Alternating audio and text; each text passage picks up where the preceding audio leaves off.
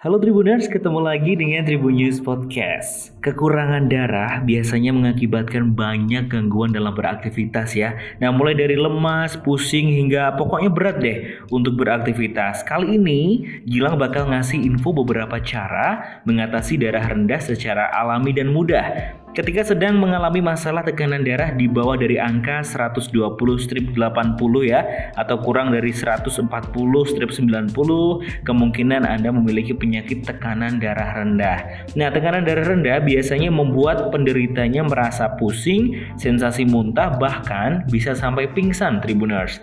Nah, pada beberapa kasus yang parah, tekanan darah juga sangat berbahaya ya bagi tubuh manusia. Nah, pada kondisi seperti itu biasanya disebabkan karena ada masalah pada jantung, masalah endokrin, dehidrasi, dan kurangnya nutrisi dalam makanan, obat-obatan, hingga kehilangan darah atau kehamilan. Nah, untuk mengatasi darah rendah, ini ada beberapa nih cara alami dan mudah yang bisa Tribuners lakukan.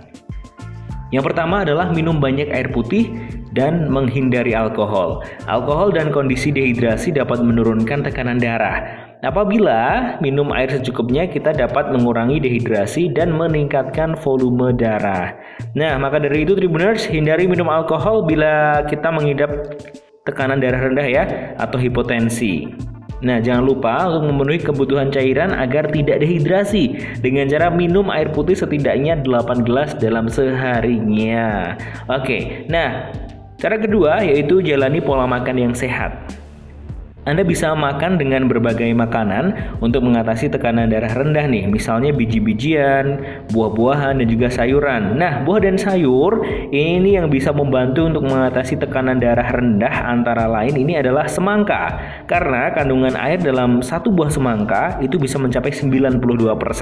Nah, kandungan air yang banyak ini dapat membantu tubuh dalam meningkatkan tekanan darah. Lalu ada sayur bayam nih dari sisi sayurannya ya karena mengandung natrium sebesar 4 mg dalam porsi 100 gramnya.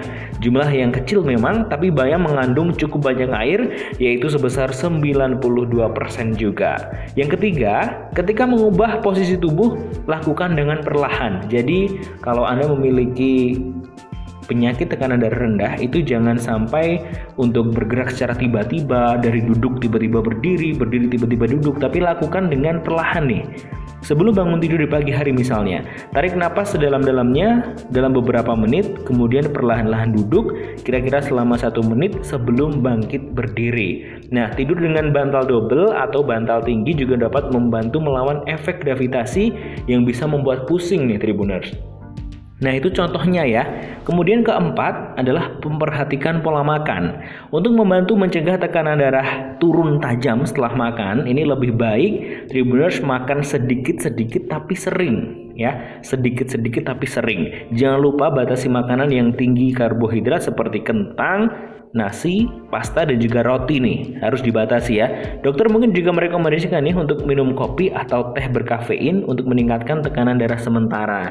Namun karena kafein justru berpotensi menyebabkan masalah lain, lebih baik konsultasikan nih dengan dokter sebelum minum kafein. Takutnya misalkan punya masalah lambung atau tidak terbiasa dengan kafein, itu justru mungkin membantu untuk meningkatkan tekanan darah tapi bisa jadi ini malah menimbulkan masalah lain.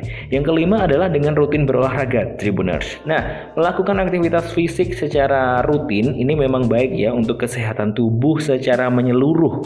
Cobalah untuk rutin berolahraga setidaknya setengah jam sampai satu jam. Setengah jam sampai satu jam dalam sehari. Nah, Anda bisa melakukannya sebanyak 2 sampai 3 kali dalam seminggu. Nggak perlu tiap hari ya, misalkan seminggu 3 hari, 4 hari itu sudah cukup nih Tribuners. Nah, namun sebaiknya hindari olahraga di tempat yang terlalu panas atau terlalu lembab. Ini harus diperhatikan bagi para penderita tekanan darah rendah ya karena mungkin di tempat panas itu justru bisa mengakibatkan lemas atau mungkin lebih cepat untuk dehidrasi. Jadi harus di tempat yang sejuk ataupun panasnya nggak terlalu panas menyengat gitu ya. Oke sampai di sini dulu Tribunnews Podcast edisi kali ini. Semoga Tribuners selalu dalam keadaan sehat ya. Jumpa lagi di Tribunnews Podcast selanjutnya. Jangan lupa untuk follow Spotify Tribunnews Podcast dan subscribe YouTube tribunnews.com saya Gilang Putranto, terima kasih. Bye bye.